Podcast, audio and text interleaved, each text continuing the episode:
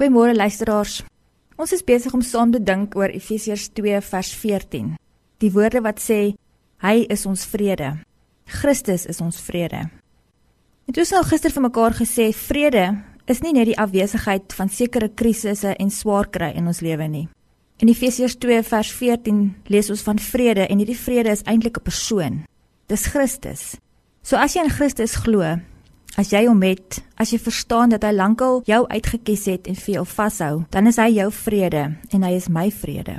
Nou die derde letter van die woord vrede, as ons in die daar bietjie kyk na die verskillende letters, dan is dit die letter E. So die E van vrede staan vir my vir vir ewig. En nou wil ek dit so formuleer. Op grond van dit wat God in Christus kom doen het en wat hy kom uitsorteer het vir my en vir jou en die hele wêreld, beteken dit nou dat ek vir ewig syne is. Hoor dit as die Here vanoggend vir jou ook sê, jy is vir ewig syne. Nie omdat jy iets reg gedoen het nie, nie omdat jy iets uit jou lewe uit weggekry het of omdat jy so perfek is nie. Jy is vir ewig syne op grond van wat Christus gedoen het. En dit is 'n wonderlike bevryding.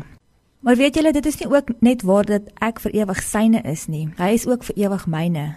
Dit maak dit net so bietjie meer persoonlik en wonderlik om te weet in die geharwar van elke dag se lewens se uitdagings Ek is vir ewig syne en hy is vir ewig myne.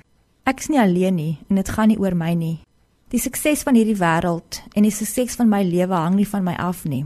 Dink maar mooi aan woorde soos daar by Johannes 10 vers 28 en 29 wat sê: Niks sal ons uit sy hand uitruk nie. In Hebreërs 13 vers 5 lees ons: Hy sal ons nooit begewe en ons nooit verlaat nie. Ek en jy kan vandag kies om te leef met hierdie wete, of dit met my goed gaan en of dit met my sleg gaan. Hierdie Skepper God wat in Christus vir my en vir jou vir ewig syne kom maak het. Hy sê hy sal ons nie begewe en hy sal ons nie verlaat nie. Hy is by ons en hy is in ons. Hy sal ons dra en hy sal sorg en voorsien. Hy sal troos en hy sal leiding gee vir alles wat ons nodig het. So wat jou behoefte ook al vandag is, ontspan in hierdie wonderlike wete. Christus is jou vrede. Omdat hy die vrede is en omdat hy jou vrede is, kan jy hierdie dag ook met sy moed en met krag aanpak. Hemelse Vader, dankie dat U in hierdie dag nie vir my sal verlaat nie. Ons vra dit in Jesus se naam. Amen.